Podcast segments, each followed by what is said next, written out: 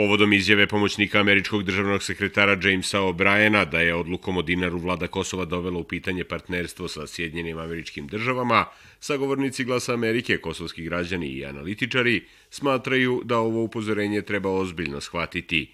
Ocenjuju i da najnoviju krizu na Kosovu treba rešavati kroz dijalog. Ne verujem da Albin Kurti smeje da nešto donese neku odluku bez dok se ne dok ne kaže Amerikanci.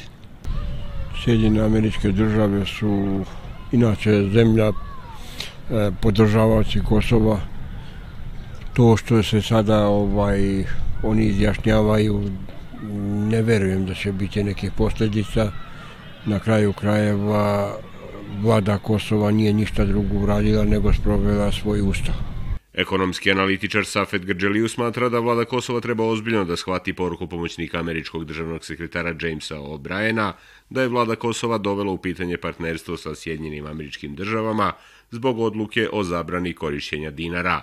Grđeliju je za glas Amerike naveo da upozorenja koje dolaze iz Vašingtona treba da zabrinu ne samo vladu, već i građane Kosova, jer prema njegovim rečima dijalog i partnerstvo sa Sjedinjenim američkim državama nema alternativu moraju vladari iz Kosova ili ljudi iz vlade Kosova učinu stvar da Amerikanci, kad vi mislite da nisu u pravu, oni imaju pravo. Prema tome, ovo je jedna velika greška u koracima koja će sigurno imati e, negativni efekata i sa političke dimenzije, i sa ekonomske, i sa diplomatske, a pogotovo sa socijalne i psihološke dimenzije. Prema tome, moramo ovdje računa, jer ako je nešto sveto na ovim prostorima, onda je to dijalog i partnerstvo sa Sjedinim američkim državama.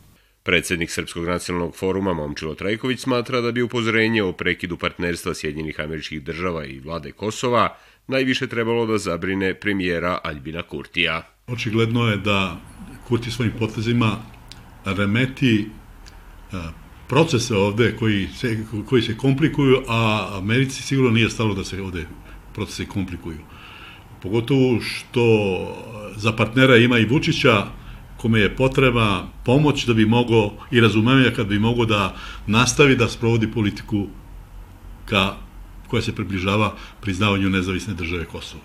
I zato smatram da će to američko upozorenje u mnogom je uozbiljiti Kurcija da zaustavi dalji pritisak i poteze koji remete mir i vrše, vrše pritisak na preostalo srpsko stanovništvo.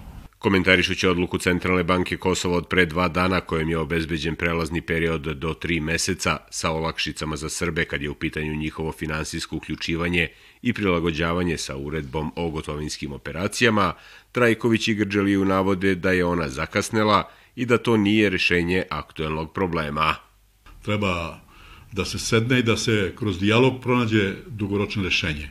Očigledno je da dok je Kurti, on od toga neće odustati, jer to je na kraju krajeva njegov, njegov program. Njegov program je isterivanje Srbije sa Kosova. I Safet Grđaliju smatra da se tema u vezi sa dinarom trenutno ne može tretirati kao pravno ili ekonomsko, već isključivo kao političko pitanje.